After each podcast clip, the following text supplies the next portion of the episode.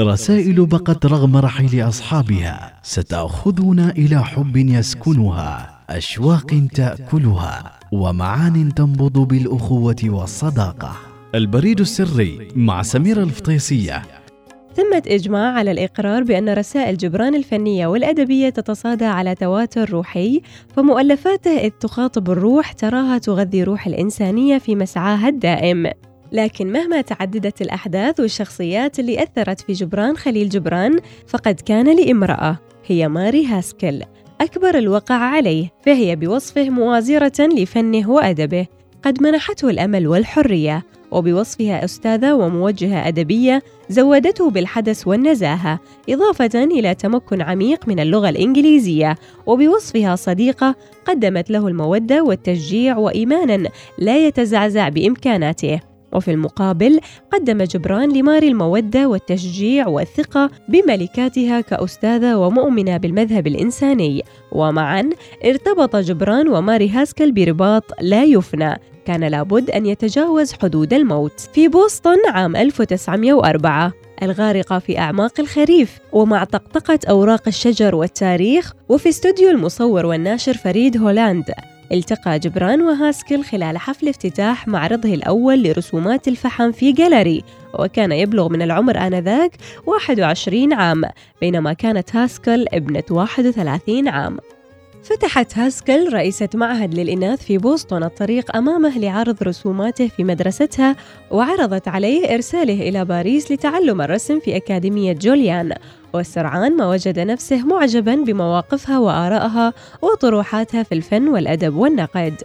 وفي رسالة إلى صديق قبل رحيله إلى باريس في 1908 وصف جبران هاسكل بأنها ملاك يهديني إلى مستقبل مشرق ويشق لي طريق النجاح الفكري والمادي على حد سواء. وبعد وصوله بأيام خط جبران قائلا إن اليوم الذي سأقول فيه لقد أصبحت فنانا بفضل ماري هاسكل قادم لا محالة. من فرنسا بدأ جبران بالكتابة إلى هاسكل وتوطدت علاقة الصداقة بينهما بقلب مفتوح ليجد نفسه فنانا وطفلا ورجلا بين يد حنونة يعبر من خلالها إلى أعمق ما في النفس والروح. فقد كتب إليها عام 1908 وقال أقبل يدك باجفاني يا أم قلبي العزيزة. ويقول لها في عام 1920 نعم يا ماري إنك أم أم حبيبة جدا. ويصارحها في العام التالي بأنها الوحيدة في العالم التي يشعر معها أنه طفل مع أمه. وهكذا اتسمت علاقة جبران وهاسكل بالشفافية والحقيقة. وفي تورط عاطفي معقد امتد لعقود لكنه يتصف بالبعد عن تصنيفات الابتذال. إن هذه العلاقة تفتحت للحياة في كتاب النبي المعشوق رسائل خليل جبران وماري هاسكل ويومياتها الشخصية. في إحدى رسائله الأولى إلى هاسكل من باريس ينغمس جبران في ملاذه الوحيد أعظم هبة للحب قائلاً حينما يعتريني الغم يا عزيزتي ماري أقرأ مكاتيبك حينما يغمر السديم الأنا في داخلي آخذ اثنتين أو ثلاثا من رسائلك. من الصندوق الصغير وأعيد قراءتها. إنها تذكرني بذاتي الحقيقية. إنها تجعلني أبصر كل هين وجميل في هذه الحياة. ينبغي لكل واحد منا يا عزيزتي ماري أن يجد ملاذا في مكان ما وملاذ روحي جنة غناء حيث تحيا معرفتي بك. وفي يوم عيد الميلاد في ذلك العام كتب ما يلي. أفكر فيك اليوم يا صديقتي الحبيبة كما لا أفكر في شخص حي آخر. وبينما أفكر فيك تصبح الحياة أفضل وأكثر جمالا. أقبل يديك عزيزتي ماري وبتقبيل يديك أبارك روحي. توفي جبران خليل جبران عام 1931 لكن الصداقة الأدبية اللي ربطت ماري هاسكل وجبران خليل جبران أبقت على الصلة بينهما قوية لا يطالها موت. فحتى بعد وفاته بقيت ماري تتصرف باسم صديقها الحبيب فقد كانت رغبات جبران الأخيرة ووصيته تشير بأن تعود مقتنيات مرسمه إلى ماري هاسكل وما يتبقى إلى شقيقته مريانا.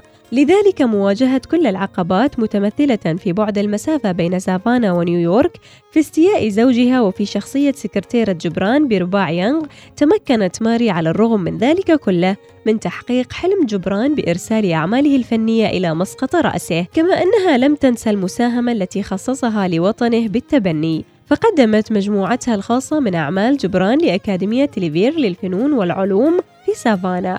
وكان سبق للصديقين أن تحادثا حول هذا الموضوع. كما تشهد على ذلك هذه الرسالة من ماري إلى جبران في عام 1914 حيث قالت وأنا بالتأكيد من بعد. أفكر في باقي المتاحف ربما بوسطن أو شيكاغو وحتى في صالة تيلفر الصغيرة الوحيدة تلك في سافانا بجورجيا. والتي خصها جاري ميلكرز باختيار بعض الأعمال.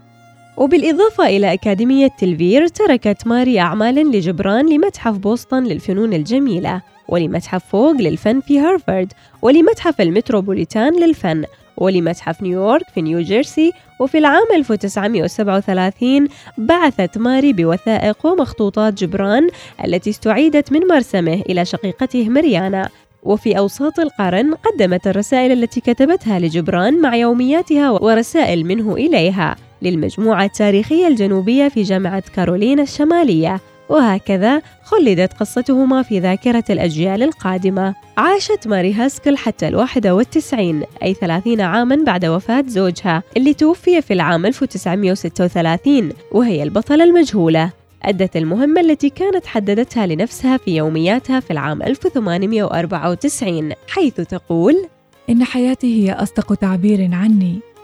لذا انتبهي لأفعالك يا امرأة وصلي كي تكون حياتك أرغنا جديرا بالعالم الإلهي. أرغنا أعطي وظيفة له أن يؤديها وله أن يهملها بحسب إرادته. فكما أن حياتك على وئام أو خصام مع تناغم الله وغايته. كذلك تسهمين في إعمار الكون أو في إفنائه. البريد السري مع سميرة الفطيسية يأتيكم في الأوقات التالية. التاسعة وخمس وأربعين دقيقة صباحا. الثانية عشر وعشرين دقيقة ظهرا. الخامسة وخمس وعشرين دقيقة عصرا. الواحدة وخمس دقائق صباحا.